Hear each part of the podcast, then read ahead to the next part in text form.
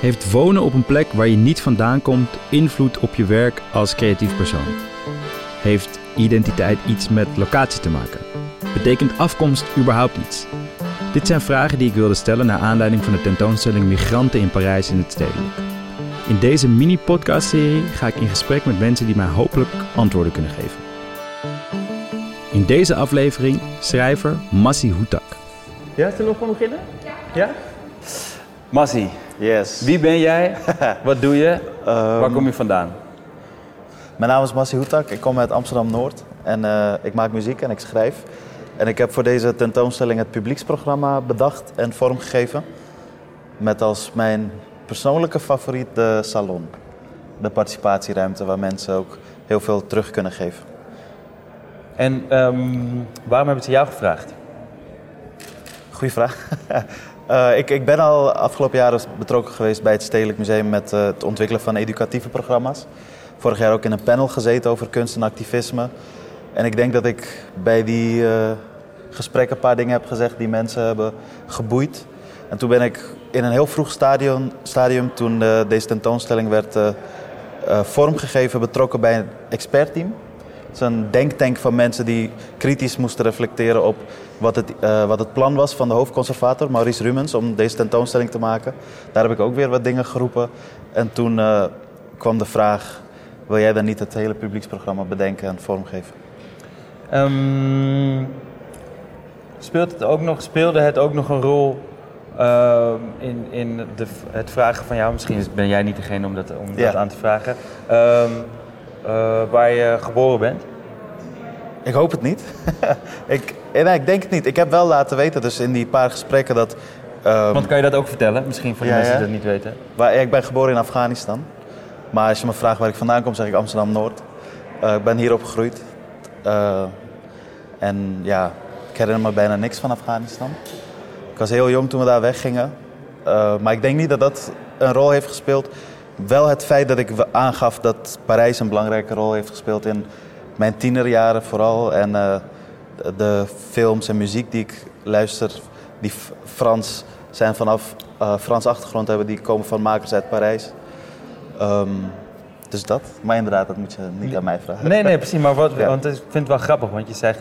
eh, ik kom uit Amsterdam-Noord. Ja. Mijn vader die kwam uit Marokko. En elke keer als mensen aan hem vroegen...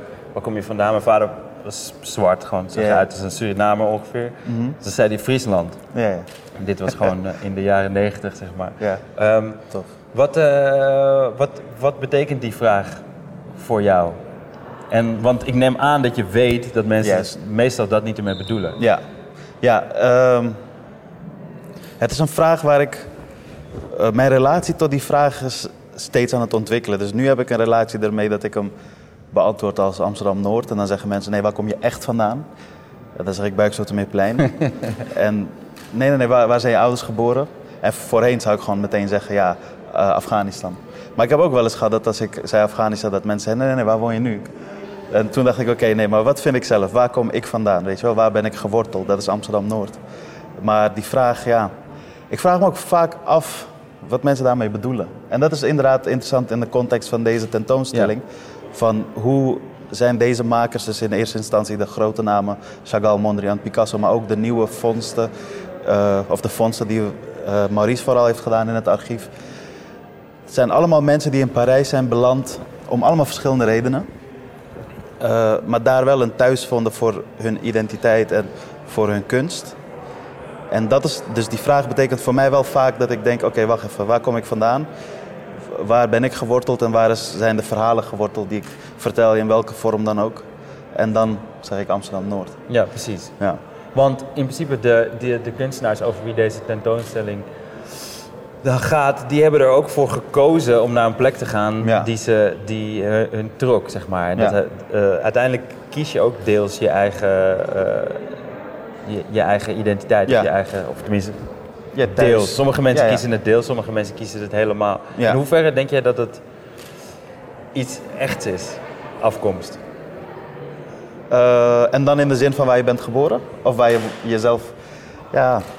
ehm, Waar je, laten we zeggen waar je bent geboren. Dus laten we, laten we er even voor het gemak van uitgaan. Dat als mensen vragen waar kom je vandaan aan eh, jou of aan mij, dat ze meestal niet bedoelen welke stadsdeel. Juist, waar, waar woon je? Ja. Ja. Ehm, in hoeverre is afkomst echt? Ja, het is wel echt in de zin van het is gewoon een feitelijk gegeven, maar het is voor mij niet belangrijk omdat ik heb daar niets voor moeten doen. Dat is ge- gewoon per toeval ben ik in een gezin geboren dat daar woonde op dat moment. En inderdaad, dus deze vraag heb ik op een gegeven moment, vooral in mijn tienerjaren, mezelf ook vaak gesteld. Van in de, ben, je, ben je je afkomst? Dat zijn ook vragen die terugkomen in de salon. Daar hebben we een centrale vraag die elke maand wisselt. Waar ik eigenlijk de vragen die ik het meest krijg. Nu hangt er bijvoorbeeld, vertel me waar je echt vandaan komt. En dan kunnen bezoekers daarop reflecteren. En dan merk je hoe verschillend dat voor iedereen is. En voor mij is het wel belangrijk. Ehm, en dan zeg ik, afkomst als in Amsterdam-Noord is wel echt iets echt. Ja, want het is, maar het is ook, zeg maar, als ik even advocaat van de duivel mag spelen, is ook maar een plek. Niet voor mij. Voor mij is het niet maar Nee, maar ik bedoel, plek. je had ook ergens anders naartoe kunnen gaan. En dan was dat misschien Oh ja, zeker. je Dat- plek geworden. Ja, hoe ik daar ben terechtgekomen, dat, die keuzes zijn voor mij gemaakt. Ja, Ja. Zeker. En, eh, maar het feit dat ik op een gegeven moment ervoor heb gekozen, bewust van hier blijf ik of ik doe mijn best om hier zo lang mogelijk te blijven. En bijna alles wat ik maak hier omheen te centreren, dat heb ik wel bewust gemaakt. Ehm, ik was veel te jong om ervoor te kiezen om hierheen te komen als in naar Nederland. En al die processen waar we doorheen zijn gegaan, waardoor we uiteindelijk in Amsterdam-Noord zijn beland inderdaad, daar heb ik geen invloed op gehad. Maar om daar te blijven en te wortelen, ik heb echt bewust op een gegeven moment gedacht van... ik ben zo vaak verhuisd in mijn leven, ik woon nu vijf jaar onafgebroken op deze plek. Ik weet niet wat dat betekent. Ik ga hier wortelen. En dit is gewoon mijn thuis. Wat is dat überhaupt met, Noord? Iedereen die ik eh, ken uit Noord, Die is trots op. Noord. ja, Trots op Noord, ja. luidruchtig Noordenaar. Ja, ja uitgesproken Noorderling. Ja, ik, ik, denk, ik denk een soort... Ja, als ik voor mezelf mag spreken, mijn vrienden en de mensen... bijvoorbeeld uit de muziek... eh, die me heel erg hebben geïnspireerd... waar ik later achter kwam van... oh shit, die komen ook uit Noord. Ik denk dat het is een soort van underdog-positie. eh, wat herkenbaar is voor bijvoorbeeld migranten ook. Ehm, en hoort niet echt bij Amsterdam. Dat hele gedoe. En waardoor wij de extra soort bewijsdrang hebben gecreëerd van wij zullen laten zien dat we wel degelijk waardig, waardige Amsterdammers zijn. En dat dit de mooiste kant van Amsterdam is. En dat, dat die kap op Centraal Station verkeerd staat. Dat is, dat, is niet Amsterdam en, en de rest. Ehm, ja, ik denk dat dat het is. En Noord, het is, het is echt bijzonder. Het is wel echt een ander stukje Amsterdam, dat wel. Qua geschiedenis en qua hoe het is ingericht. Er, eh, er rijdt geen tram bijvoorbeeld. Er rijdt sinds kort een metro. Ehm, ja, ik weet niet. Het is, het is tof. Ik, zou het, het- ik vergelijk het met hip-hop. Het is iets heel geks wat is ontstaan door allemaal verschillende samples die daar zijn geplaatst. Mhm. En die samen een manier van leven hebben weten te creëren die heel complex is. Maar dat is wel eigenlijk overal zo, toch? Weet ik niet. Tenminste op de plekken waar veel verschillende eh, culturen samenkomen, Ja. ontstaan er gekke situaties. Ja, En gekke situaties, En, interessante... Ja. ja, maar niet als je zo eh, structureel verwaarloosd, als ik een zwaar woord mag gebruiken, bent als Amsterdam-Noord. Of, of op neergekeken. Want als je bijvoorbeeld, ehm, wat je in de pijp ook had, of in de Daar Jordaan. kom ik vandaan. Ja, dat, en, maar dat heeft toch wel altijd een soort aanzien gehad. En heeft het nog steeds. Nee, van, van het is wel. Het, nou, wij keken er wel zo naar. Ja, nee, dat van- was echt niet zo. Op, toen ik op de basisschool zat, ehm, ik, kan me dit, ik kan me echt nog goed herinneren dat iemand een keer aan mij vroeg, waar kom je vandaan? En ik zei de pijp. Ehm, dat iemand zei, oh, een beetje een achterbuurt. Mhm. En dat ik tien jaar Ja. later of zo op, dat, op datzelfde antwoord de reactie kreeg, ah, jup, Ja, ja, precies. zelfde buurt. Precies. Ja, maar dat. Maar kijk, dat heeft me ook wel geleerd dat het eigenlijk, dat, ik persoonlijk Mhm.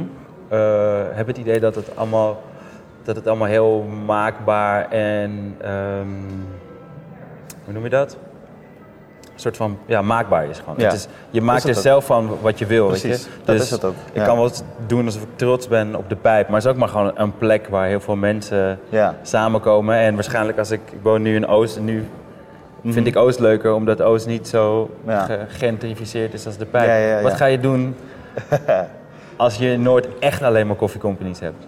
Ja, maar die, die, die komen er nu. Ja, dus die, da- daar ben Heb ik je al een plan? Heb je zo- een- Ja, ik ben acties aan het voeren tegen dingen waarvan ik denk, hé, hey, daar moeten we beter op letten. En dat zijn ludieke acties waar ik eh, kunst en activisme probeer te combineren. Ehm, ik heb twee nummers gemaakt die gaan over eh, de gentrificatie in Noord. Eh, ik heb een theatervoorstelling op dit moment waar ik twee jaar onderzoek naar gentrificatie in West-Europese en Noord-Amerikaanse steden met Centraal Punt Amsterdam-Noord uh, in een soort lezing eigenlijk teruggeef. En eigenlijk ook vertel hoezeer ik uh, ben geradicaliseerd. Terwijl ik ben begonnen een soort van, ik ga een beschouwing schrijven, wat is gentrificatie? En gaandeweg word je zo boos dat je denkt, oh shit, je moet echt iets gaan doen. Weet je wel? Van, want we moeten uitkijken dat we de, de ziel niet uit de stad gentrificeren. Maar het, het, gekke is, het gebeurt bijna altijd in, dezelfde, in hetzelfde mhm. patroon. Ja. Dus er komen eerst komen de Chagalls en de Mondriaans, omdat het ergens inspirerend en echt en goedkoop is, zeg maar. En ze kunnen daar dan goed gedijen, zeg maar. En dan, die openen dan toffe uh, discotheken, zeg maar. of pop-up bars en zo. En dan wordt het aantrekkelijker om ergens te gaan wonen. Mhm. En dan wordt de huur langzaam duurder. En dan komt er op die pop-up bar komt er een, een, uh, een koffiecompany mhm. of iets anders. Mhm. En dan worden op een gegeven moment de huizenprijzen te duur. Maar het begint wel, volgens mij, niemand heeft de slechte intentie van we gaan deze wijk kapot maken. Nee, maar daar begint het niet. Het begint veel eerder bij we gaan deze wijk uh, aan zijn lot overlaten. Mhm. Dat is wel gebeurd. Dat gebeurde al 20, 30 jaar geleden. Van, uh, uh, mensen betalen, de Chagalls en de Mondriaans betalen sociale huur. Mhm. Maar we onderhouden het niet, wat wel onze taak is. We waarderen die grond systematisch omlaag, zodat we straks het in grote happen op kunnen kopen. Um, en deze mensen dragen gewoon bij aan de grondwaarde, wat dus omlaag wordt gewaardeerd.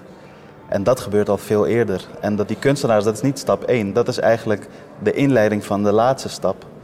Um, en dat is wel mm. kwalijk. Daar kunnen we wel wat aan doen. Dat is waar. Dat is niet een natuurlijk proces. Nee. Daar, kun je beleid tegen maken, maatregelen tegen treffen. Um, ben jij nooit bang, want ik, ik heb het idee dat veel, volgens mij niet alles, maar veel van je werk is, mm. is geëngageerd. Mm. Ben je niet bang dat, je daar dat uh, mensen je daar aan de hand daarvan definiëren? Zeg maar, voel je je wel vrij om ook nog een liedje te kunnen maken over, uh, mm weet ik veel? Ja, ja over uh, hoezeer ik uitkijk naar de zomer, ja, bijvoorbeeld. Ja. ja. zeker. Nee, ik heb, uh, dat, dat is wel een vraag die ik mezelf vaak stel, mhm. inderdaad. Omdat, ah, ik doe veel verschillende dingen en voor mij hangen ze allemaal samen aan een bepaald uitgangspunt. En voor iemand die mij niet zo goed kent, of misschien één of twee uitingen kent, lijkt dat van wat, hij doet veel verschillende dingen. Het is allemaal inderdaad geëngageerd, vaak wel. Dus ik ben er wel mee bezig. Maar is dat omdat het gevraagd wordt of dat gaat vanuit jezelf? Gaat het vanzelf? Ja, dat ik die dingen doe. Ja, ja, ja nou, het gaat vanzelf. Het is gewoon eigenlijk de drang om verhalen te vertellen en dingen te verwerken die ik meemaak. En dan daar, in eerste instantie heb ik daar hip-hop voor gevonden op mijn elfde. Dat ik dacht, oké, ik ga rapteksten schrijven. Heel gauw daarna dacht ik, ik vind het uh, componeren van de muziek ook tof. Dat ging ook heel erg vanzelf. Die twee dingen gingen zo natuurlijk dat ik dacht, oh, volgens mij moet ik dit doen. Dit voelt goed. En op een gegeven moment dacht ik, nou, ik wil niet gebonden zijn aan alleen rijm, ritme en wat vrijer schrijven. Toen ben ik korte verhalen gaan schrijven. Op een gegeven moment opinies. En ik merk dat in alles wat ik schrijf A, ik heel, uh, het altijd heel persoonlijk hou en ook uh, reflecteer op mijn omgeving. Dus en ik en de wereld waarin ik me begeef en hoe die zich tot elkaar verhouden. En dan steeds een nieuwe vorm vinden voor uh, hoe je dat vertelt. Maar wel binnen, binnen de kunsten. Dus niet een gebouw ontwerpen of, of schilderen of tekenen. Dat zou ik wel graag goed willen kunnen, maar dat kan ik niet zo goed. Maar schrijven bijvoorbeeld wel en muziek maken, dan vul maar in een theater dus nu of andere uitingen. Dat, ja. Nee, het komt er wel echt van mezelf. En ik ben niet bang, niet meer, dat mensen, of hoe mensen er überhaupt naar kijken. Want je hebt dat niet in de hand. Nee. En ik denk, als ik dat gewoon consequent blijf doen, dan uh, uh, moeten mensen het maar accepteren. Dat, dat is nee, maar ik kan me wel voorstellen dat uh, je, je traint in zekere zin ook wel weer je, dat klinkt heel neerbuigend, zo bedoel ik niet, maar je traint je luisteraar of je lezer of je mhm. kijker ook uh, om mee te gaan met wat jij wil, mm toch? Of wat je, en dus, en wat je vaak doet, dat zijn mensen dan van je, van je gewend. Wat heel ingewikkeld is als mhm. je van, uh, van richting wil veranderen ja. Als, ja. als maker, zeg maar. Precies, ja, dat um, is het zeker. Um, ja, nee, ik kan, me gewoon heel goed, ik kan me goed voorstellen als jij nu een roman wil schrijven ja, over, uh, weet ik veel, twee mensen die elkaar ontmoeten. Precies, en het zal hoe dan ook altijd gaan over dezelfde thema's. Maar ik bedoel, meer wordt het van je verwacht mm. door waar je vandaan komt. maar bij, in mij, ik kan, kan je vertellen dat het mij best wel vaak mhm. verweten is dat ik niet expliciet genoeg ja, ja, uh, ja. Um, eh, mijn afkomst of, eh, weet ik veel. eh, of engagement ver- verwerkte in Mhm. mijn muziek. Terwijl ik zou zeggen, echte emancipatie Ja, is dat, je, dat ook mensen die er anders uitzien juist. Mogen doen waar ze zin in hebben. Dat Precies. niemand zegt tegen Nee, precies. Dries Roelvink. Ja, schrijf een liedje over Landsmeer. Misschien heeft hij dat al gedaan. Maar oh, wat betekent Landsmeer voor jou? Ja, nee, dat is, dat, is, dat is een goed punt. En ik vind sowieso ook... Dat is ook interessant, wederom in deze tentoonstelling. Ik vind een van de...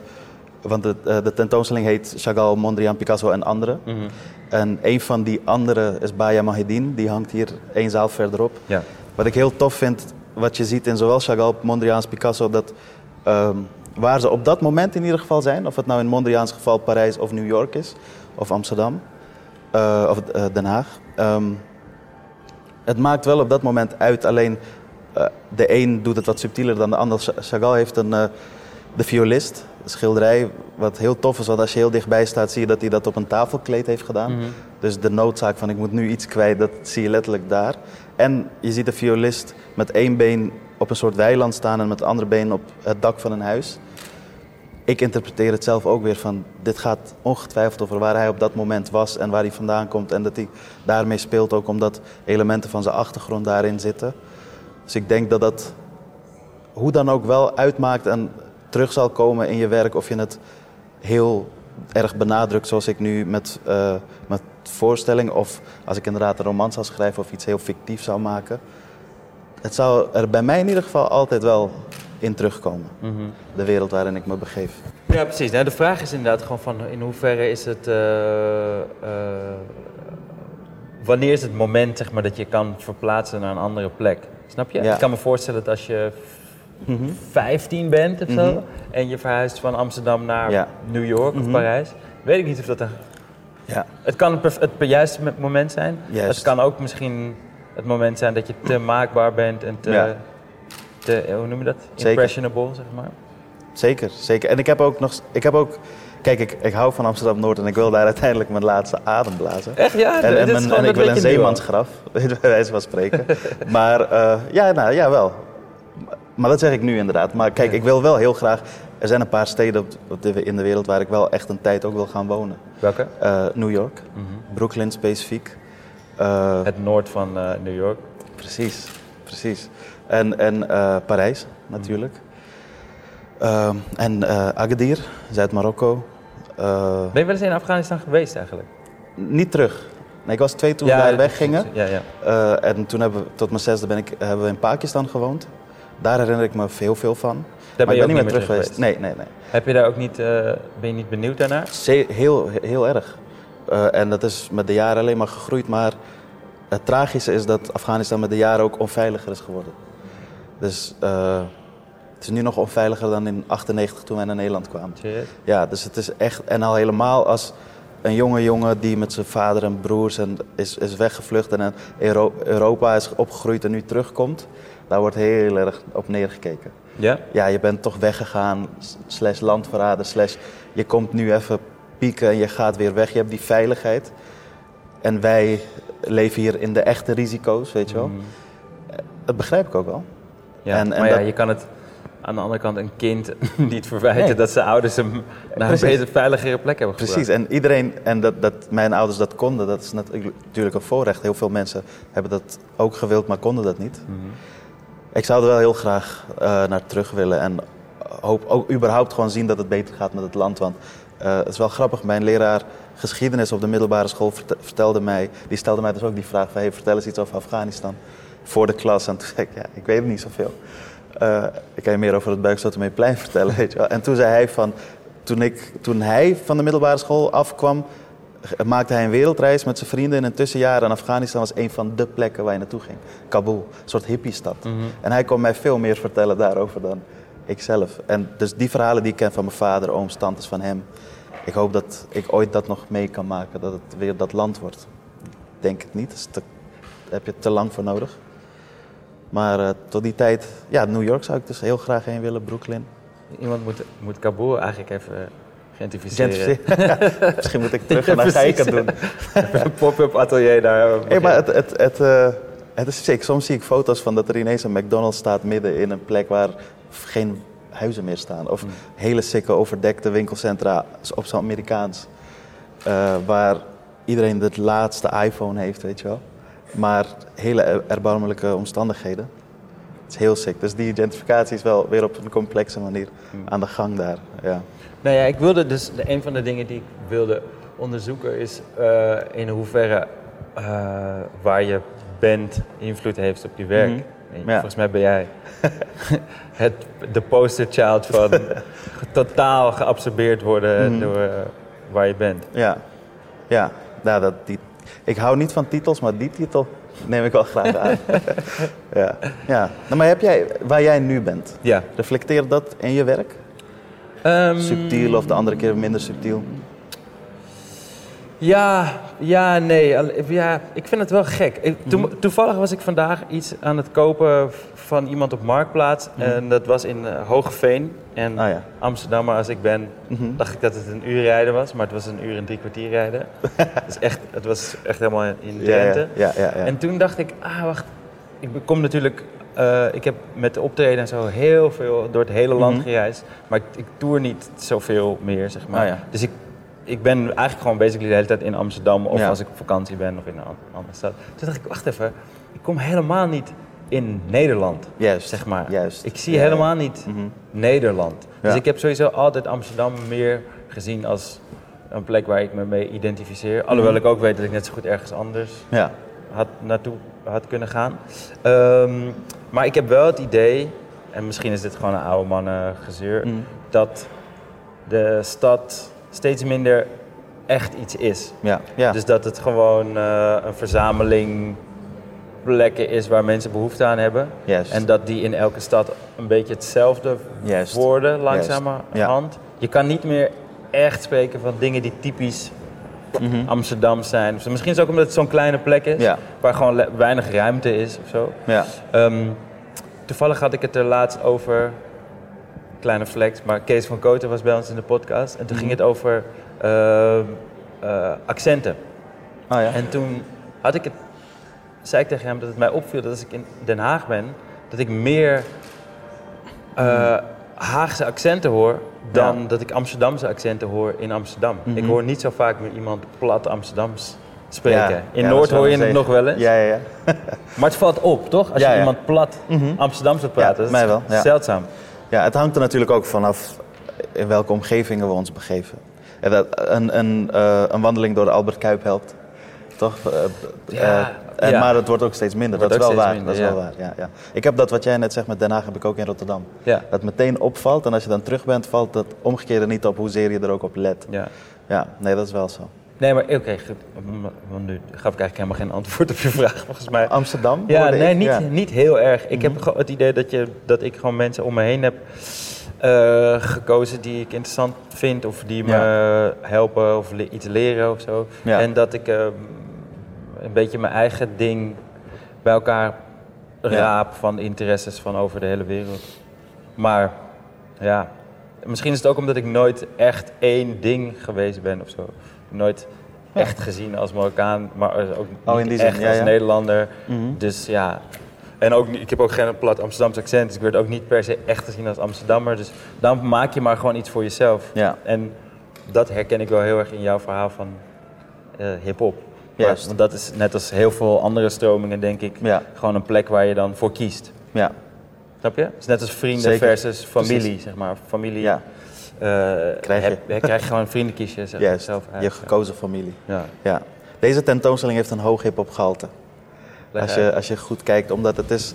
eh, Parijs is het liedje. Het liedje heet Parijs. En de samples heten Baya, Mondriaan, Picasso.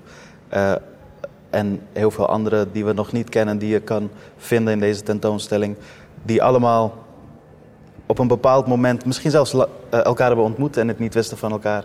In Parijs waren en daar een thuis Woody- vonden. Het is die Woody Allen film, toch? Ja, precies. juist. En dan komt het allemaal samen in het Stedelijk Museum.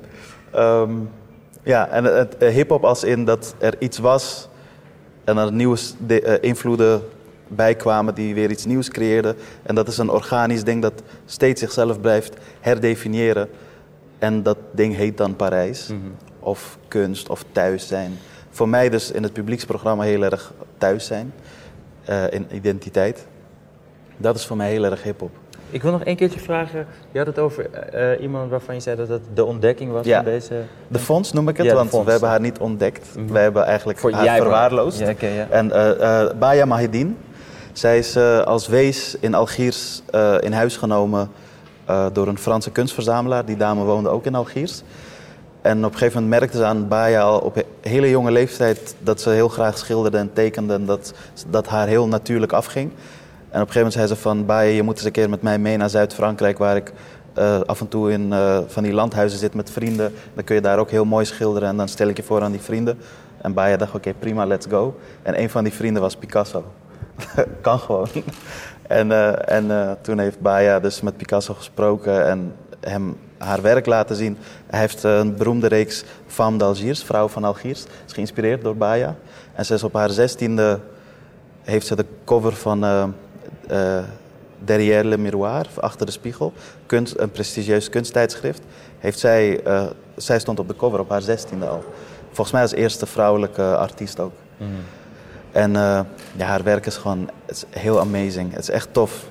En ik, ik kan het iedereen aanraden om daar... Wij hebben hier alleen maar dus de cover van dat tijdschrift. Maar ik weet dat er mensen zijn die nu zoeken naar waar nog meer werken van haar zijn... om haar ook een zelfstandige expositie te geven die ze zeker verdient. En dat is er één. Waar ik in ieder geval heel blij van werd. Want tijdens die expertmeetingen, die denktanksessies aan het begin... had ik ook van die dingen dat ik zei... als we het gaan hebben over Parijs tussen 1900 en 1950... daar zitten twee wereldoorlogen tussen. En het kan niet anders dan dat er op dat moment in Parijs... ook kunstenaars waren met een Arabische achtergrond... of islamitische achtergrond... een Zuid-Amerikaanse achtergrond... Centraal-Afrikaanse achtergrond. Dus de hoofdconservator Maurice Rubens was zo eh, open en hartelijk dat hij zei: ja, inderdaad. Maar dat ook nog eens vinden in je eigen archief is nogal een uitdaging. En hij heeft dus dat gevonden. En eh, ik hoop dat we in de toekomst nog veel meer van haar vinden. Baya Mahedine. Vet. Heb je Ja. nog meer tips van mensen die, voor mensen die. Ja, de Langs- salon. De salon. Dus de, de participatieruimte waar je alle museumregels eh, mag achterlaten. Daar mag je Mag aan je roken? kunstwerk zitten. je mag... Oh nee, de ramen zijn dicht. Ja. Shit. Nee, de ramen zijn dicht. Fuck. Eh, je kan daar niet roken. Ik denk misschien als je zo'n eh, vapor hebt. Er, is, er is muziek daar. Eh, en vooral wat daar belangrijk is, je hebt dus die vraag op de muur. En je ziet ook antwoorden van eh, andere bezoekers die we plakken. Eén keer per maand kijken we naar die antwoorden. En dan halen we de ontroerendste, grappigste, origineelste eruit. Dat zijn niet altijd teksten, dat ook tekeningen. Eh, soms lappenteksten, soms een gedichtje, soms één zin. Maar altijd heel persoonlijk en in alle vormen voor mij wel ontroerend. En die hangen we daar dan op. En dat is voor mij heel bijzonder om gewoon daar te gaan kijken van wie zijn hier binnen geweest. En hoe reflecteren zij op de tentoonstelling en op deze vraag. Ehm, de audiotours zijn heel tof. Daar heb ik ook eh, de stadsdichter Gershwin Bonifacia voor gevraagd. Dichter Rachel Roumai en eh, illustrator Ikram El Masaoudi. Die eh, vertellen je niet kunsthistorisch waar je naar kijkt, maar wat zij zien en hoe zij daarnaar kijken. Je hebt een audiotour ook van Maurice, dus de hoofdconservator, die je wel alle kunsthistorische dingen vertelt. Dat is ook een hele mooie verzameling verhalen geworden en reflecties, heel kort op kunstwerken. Dat is ook een, eh, een route.